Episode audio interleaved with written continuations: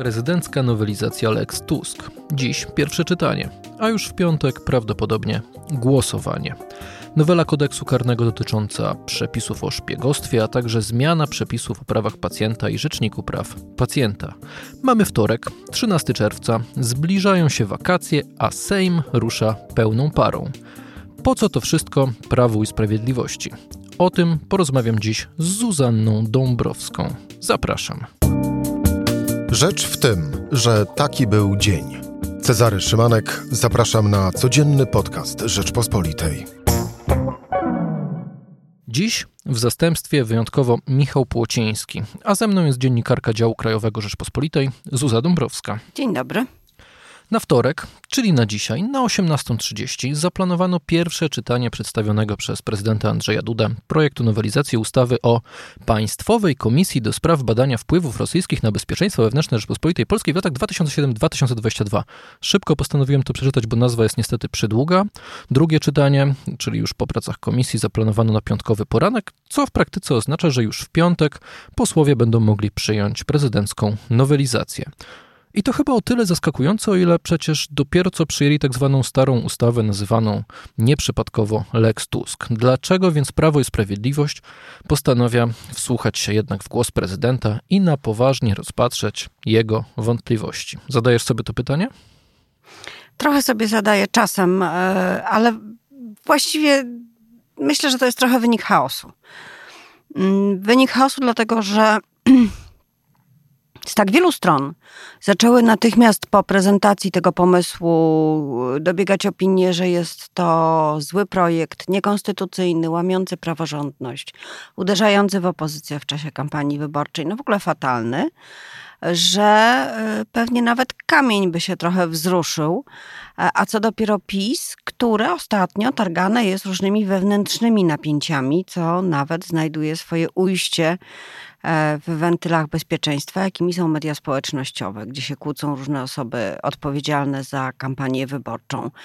E, no, Skoro... Powiedzmy wprost, Marcin Mastalerek, e, Adam Masz Bielan, Poręba. Masz Poręba. Tak. Niezły, I... niezły cyrk, można powiedzieć. Nawet. No niezły cyrk. A wydawało się, sorry, że wejdę ci w słowo, że jednak po marszu 4 czerwca Zjednoczona Prawica jest jakoś wyjątkowo, no właśnie, zjednoczona. To by się tak wydawało? Mi tak się wydawało. Jeszcze, jeszcze wydawało. wczoraj rano. Nie, mi się nie wydawało, dlatego że y, to jest taka sytuacja, w której bardzo wiele faktów atakuje, bardzo wiele jest, idziesz sobie jakąś drogą, a tu ci śmigają e, wokół głowy różne właśnie fakty, wydarzenia, naciski i y, nie możesz już iść dalej, bo coś ci ciągle przeszkadza. I trochę w takiej sytuacji, takiej, takiej zadyszki chodziarza znalazło, się Prawo i Sprawiedliwość e, i dlatego osiągnęło pewien punkt bezwładu, w którym e, reakcje są nieprzewidywalne. I y, sztabowcy, myślę, zdają sobie z tego sprawę. Nie wiem jak z prezesem. Nie podejmę się ustalenia, z czego on sobie zdaje sprawę, a z czego sobie nie zdaje, ale na pewno niektórzy politycy to widzą i dlatego próbują zaprowadzić pewien porządek, czyli wyciszać te otwarte konflikty ostre, które można wyciszyć. I wydaje mi się, że decyzja o oddaniu pola panu prezydentowi w sprawie ustawy o Lex Tusk jest właśnie takim zejściem z linii ciosu. Tym bardziej, że bardzo dużo złego już zrobiła. E, po pierwsze, umocniła wyborców PiSu w wierze, że Donald Tusk jest rosyjskim agentem. Czyli zrobiła bardzo dużo dobrego z punktu widzenia PiSu. Z punktu widzenia PiSu, tak. E, czyli w zasadzie, gdyby przyjąć, że te narzędzia najstraszniejsze, które są tam w niej zawarte, żelazna dziewica, jakieś koło do łamania i inne takie instrumenty, wypadną na skutek nowelizacji pana prezydenta, to właściwie po co się w to bawić? Przecież to nudne będzie. Wyobrazili sobie politycy PiSu zapewne, że będą się spotykać albo oni, albo jacyś eksperci, co gorsza, wygłaszać jakieś przemówienia, filipiki. No, komisja Macierewicza, że tego nikt nie mógł słuchać. No a co dopiero tutaj? Może jedno posiedzenie w, błysku tych fleszy i kamer TVP Info, może drugie, no ale już nie trzecie. Więc właściwie to jest taka zabawka, która przez chwilę dobrze y, obozowi władzy służyła, a teraz się zrobiło wokół niej takie zamieszanie i w ogóle nie jest potrzebna, więc spokojnie można to wyciszyć, gdzieś tam zamieść. Zrobiła tyle, ile mogła. No dobra, no ale dalej coś trzeba z tym zrobić, prawda? Jest nowelizacja. Mm, dzisiaj e, rano w sygnałach dnia programu pierwszego e, Rafał Bochenek obiecywał, że już dzisiaj się, się nią e, zajmą. Widzimy, że rzeczywiście jest to czytanie zaplanowane, czyli ta machina ruszyła i tak będą musieli to procedować. Tak, będą Nie... musieli. No trudno. Dużo jest ustaw, wiele jest prac w komisjach. To będzie jedna z takich ustaw. Może nawet szybko zostanie uchwalona, jeszcze Senat się nad nią przecież pochyli, a Senat ma dużo czasu na pochylanie się. No, równo 30 dni. No, no właśnie, e, ale być, może, ale być może Senat też będzie chciał jakoś szybciej to załatwić. No a oczywiście nie ma tutaj obawy przed wetem prezydenta, chyba że prezydent znowu zmieni zdanie i tym razem zawetuje swoją własną nowelizację ale nie, nie spodziewam się. No i już, no i potem się pojawią miejsca pracy dla ekspertów i naukowców zaprzyjaźnionych. No właśnie, bo to chciałem cię zapytać, czyli ta komisja powstanie jednak? No pewnie powstanie. No, Jaka ale będzie dalej jej rola? Żadna. Znaczy, umiarkowanie medialne, może tak. To znaczy będą, e, będzie nagłaśniana e, tak, jak tylko to jest możliwe przez media narodowe. E, Opozycja będzie się starała nie zwracać na nią żadnej uwagi. Nie wiem, czy w tej sytuacji, e, bo były takie pomysły, powoła swoją kontrkomisję w Senacie. Był taki pomysł, żeby na bieżąco jakby dawać odpór tym treściom, które się pojawiają w komisji weryfikacyjnej przez jakiś zespół ekspertów, komisję, którą, którą powoła Senat, że to będzie taki mecz w mediach, ale w tej sytuacji nie wiem, czy to nie będzie czy to nie będzie e, takie nadmierne podnoszenie tej, tej komisji rządowej, czy w ogóle warto się, się bawić w taki pomysł, jeśli, zakładamy, jeśli te poprawki prezydenckie rzeczywiście zostaną przyjęte, a to wcale nie jest jeszcze powiedziane, bo być może niektóre tak, a niektóre nie. I wtedy. Y, Zabawa zacznie się od nowa. Tak, bo, będą się wszyscy zastanawiać, czy, czy, czy ten system odwo odwołania od decyzji jest właściwy, albo czy zakaz funkcji, jednak y, spełnienia funkcji nie powinien jednak pozostać. No i tak, takich pytań może być bardzo wiele. No ale jeśli w efekcie większość poprawek prezydenta będzie przyjęta, to ta komisja straci swoje wilcze zęby e, i będzie po prostu jednym z jakichś tam elementów robienia polityki w mediach w czasie kampanii. E, już. Wiesz, pozostaje pytanie, czy rzeczywiście taka komisja i taka, takie przerzucanie się oskarżeniami o prorosyjskość, czy wyimaginowaną prorosyjskość nie jest też przypadkiem na rękę drugiej stronie, no bo jak przejrzymy dzisiaj nawet media społecznościowe, nie wiem, Michał Szczerba, który już wyciąga Sławomirowi Cęckiewiczowi, który jest szykowany według mediów na przewodniczącego tej komisji, który jest jednak współautorem serialu dokumentalnego Reset, który już wczoraj miał swoją pierwszy odcinek miał swoją e, premierę e, w TVP, wyciąga mu różne kontakty z rosyjskim wywiadem, mianowanie do swojej komisji, prawda, rosyjskiego agenta i tak dalej, to ja mam wrażenie, że obie wielkie partie, które grają na polaryzację, chcą w tę grę grać po prostu. Chcą się przerzucać tymi oskarżeniami i tak po prostu rozstawiać się w dwóch narożnikach, spychając poza ring całą resztę. No i w efekcie mamy do czynienia z sytuacją, w której w sondażu który Ibris zrobił chyba dla Radia Z. 23,2% respondentów mówi, że to PiS jest rosyjską agenturą, mówiąc w skrócie, a 23,1% mówi, że to Platforma Obywatelska. No i jak się obie duże partie będą tak bawić, to może ten procent trochę wzrośnie i będziemy mieć całą scenę polityczną zabetonowaną rosyjskimi agentami. Winszuje pomysłu i Platformy do rozmowy. Czyli Kreml może już trzymać kciuki i zacierać ręce, że na jesieni na pewno będzie miał w Polsce prorosyjski rząd. Zaraz się okaże, że wszyscy są prorosyjscy. Tak, tak się okaże i ciekawa jestem, co w tej sytuacji zrobi Szymon Hołownia. O, a to ciekawe, to jest jedyna partia, która nie miała żadnych wskazań w tym sondażu. No bo nie zdążyła. Zrobić nic prorosyjskiego. No oczywiście, za krótko istnieje i, i, i nie zdążyli się narazić, ale też y, mniejsze partie rzeczywiście nie powinny w ten dyskurs chyba wchodzić. No najmniej powinna wchodzić Konfederacja, bo jeśli ktoś jest, e, prezentuje te rosyjskie wpływy, to przez ostatni czas, czas wojny w Ukrainie, to właśnie Konfederacja. Więc też nie jest przypadkiem, że Konfederacja siedzi sobie cichutko w tej sprawie pod liściem e, i ani miałknie. Natomiast Lewica i Trzecia Droga, czyli PSL i Hołownia, no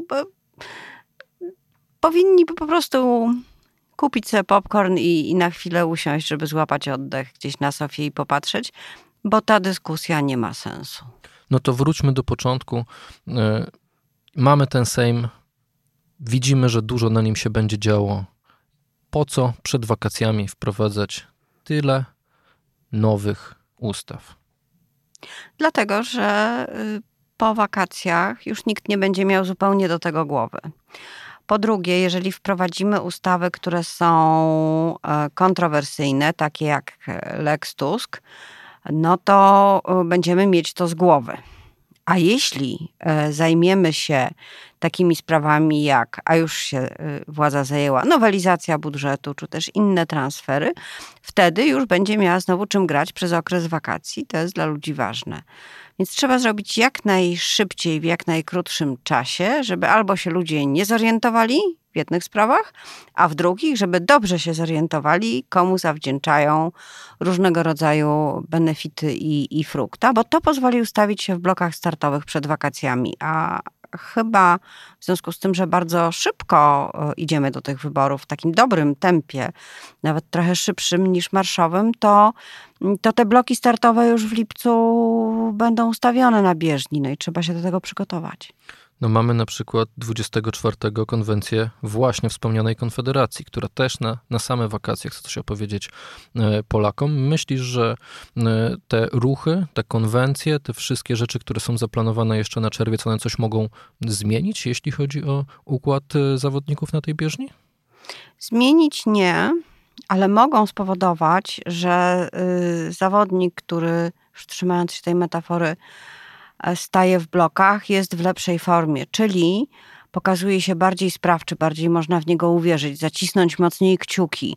E, konwencje i to te komunikaty, które są e, wygłaszane podczas konwencji, służą temu, żeby wyborcy tych partii, w większości już przekonani, jeszcze mocniej uwierzyli w ich siłę i sprawczość.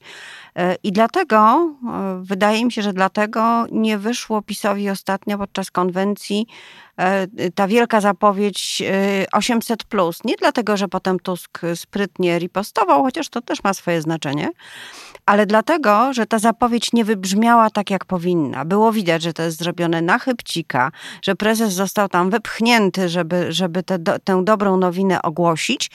I nie było to. Yy, nie udało się przekazać takiego wrażenia, że oto siłacz, zarządca budżetu, mądra partia, która chce dobrze dla ludzi, daje im pieniądze, bo, bo uważa, że tak trzeba. Nie, raczej wyszło to jako pospieszne zagadanie rakiety, która upadła pod Bydgoszczą i wszelkich innych e, nieszczęść i dlatego pewnie nie ma odbicia w sondażach, bo sondaże to jest bardzo skomplikowana sprawa i taka wielka kula obrośnięta takimi społecznymi koronkami e, dookoła paroma warstwami, to narasta, to się buduje, albo się nie buduje, jeśli ktoś nie umie tego, tego robić. I, I żadna jedna konwencja nie pomoże, ale bez konwencji też się nie da.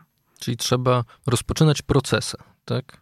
Trzeba rozpoczynać procesy i kreować tendencje oraz mobilizować słowa narracja. Nie użyję. Nie, nie namówisz mnie. Nie lubię słowa narracja. Uważam, że to jest pomieszanie e, z poplątaniem e, języka polskiego. Ale mogę powiedzieć e, opowieść o Polsce, bo to tak jest. Kiedy Platforma w taki najbardziej spektakularny sposób wygrała? Kiedy miała swoją opowieść o tym, że będzie przepięknie. To, była, to, to jest taki najlepszy przykład wygranej, wynikającej z dobrej, z dobrej soczewki, z tej polityki miłości, z czegoś, z czym Mówisz ludzie... Mówisz o 2007 roku. Tak. I wtedy ludzie młodzi szczególnie mogli się identyfikować, odnaleźć w tym mm, i... I, I potwierdzać, bo sposób. ja wtedy byłem na studiach i wszyscy koledzy, koleżanki z roku głosowali wtedy na Platformę. No właśnie. Jeżeli takiej opowieści nie ma, no to są drgawki. E, obecna opowieść Platformy, czy całej Koalicji Obywatelskiej jest taka, że my nie jesteśmy PiSem, a PiS jest zły. Nie wiem, na ile to jest wystarczająca opowieść, to się okaże. Ale widać, że Prawo i Sprawiedliwość ma duży kłopot ze swoją historią, bo oni nie wiedzą, czy oni są good guys, czy bad guys. Czy oni chcą dobrze, bo są mili, czy oni chcą się mścić i prześladować agentów, bo są zdeterminowani i są takimi fighterami, bokserami, czy nawet raczej kickboxerami. Y, nie wiedzą tego. Nie ma jednolitego wizerunku, a Jarosław Kaczyński nie może być jednocześnie mścicielem y, ludowym y, i miłym panem, który się łagodnie uśmiecha i rozdaje pieniądze. Tego się pogodzić nie da. Myślę, że dlatego ta kampania PiSu jest tak trudna. Na Czy razie. Platforma wie, jak chce się prezentować?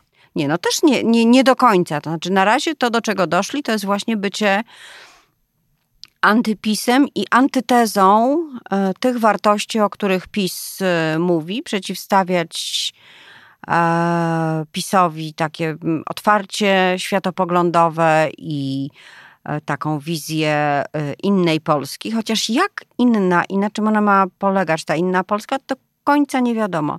Ale zauważyłam jedną rzecz. Kiedy był marsz 4 e, czerwca, no to politycy Platformy zaprezentowali się po amerykańsku, byli świetnie ubrani, dobrze uśmiechnięci.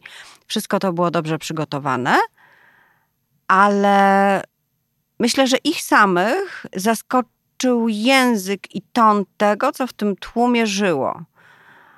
I myślę, że to może być dla nich, jeżeli oczywiście będą chcieli, ja tego pewna nie jestem, materiał do zobaczenia tej innej Polski. To była lekcja nie tylko dla wyborców, e, jaka jest opozycja, czy jest silna, czy nie, ale także dla samej platformy, bo ona usłyszała nagle ci politycy, którzy siedzą na wiejskiej i słyszą głównie PiS, usłyszeli nagle ludzi, którzy tam przyszli, mówili o prawach zwierząt, na przykład. E, znaczy, no bądźmy też sprawiedliwi. No głównie mm, mówili o tym, jaki PiS jest zły, ale między tymi e, okrzykami tak. pojawiały się też różne transparenty ludzi, którzy przynieśli i chcieli, żeby te transparenty tam... Żeby ktoś to zobaczył no. i... E, ale właśnie z tych transparentów przyniesionych przez ludzi ma się składać inna Polska, jeżeli to ma odnieść jakikolwiek sukces. I jeżeli um, główna partia opozycyjna tego nie dostrzeże, to tej innej Polski nie zaprezentuje i opowieść nie wyjdzie. No, mi najbardziej już tak kończąc naszą długą opowieść o polskiej polityce, podobało się jak Donald Tusk jednak o tej piątej rano wyszedł do ludzi, którzy sprzątali ulice, w amerykańskim stylu uścisnął im dłonie i podziękował za posprzątanie po marszu. I myślę, że to jest też to, czego opozycji brakowało. Tak, dlatego że wykończenie to wie każda e, fryzjerka, kosmetyczka, makijażystka. Wykończenie jest najważniejsze i to była taka kropka wieńcząca dzieło, czy też mała nawet korona laurowa. Masz rację, to był dobry gest. No to czekamy w takim razie na polityczne wakacje, których w tym roku chyba nie będzie. Sezon ogórkowy to jest takie piękne stwierdzenie, które jednak w rzeczywistości już chyba nie występuje a na pewno nie w polskiej polityce. A dzisiaj rozmawiałem o niej z Zuzanną Dąbrowską. Bardzo dziękuję. Dziękuję. To był wtorkowy podcast Rzeczpospolitej.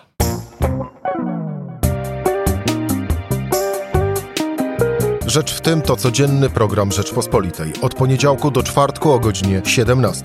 Słuchaj na stronie podcasty.rp.pl. Włącz Rzecz w tym w serwisie streamingowym.